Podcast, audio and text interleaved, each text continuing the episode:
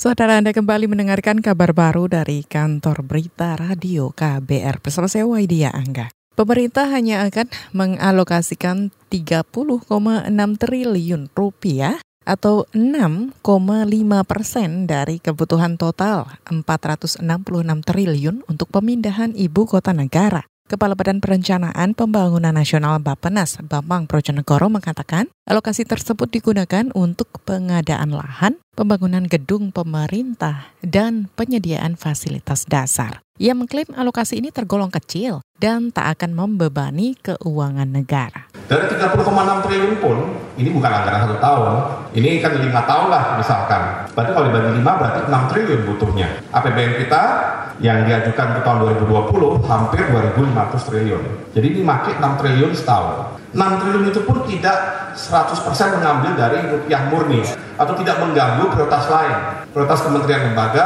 maupun prioritas daerah. Kenapa? Karena kita juga akan menggunakan aset manajemen.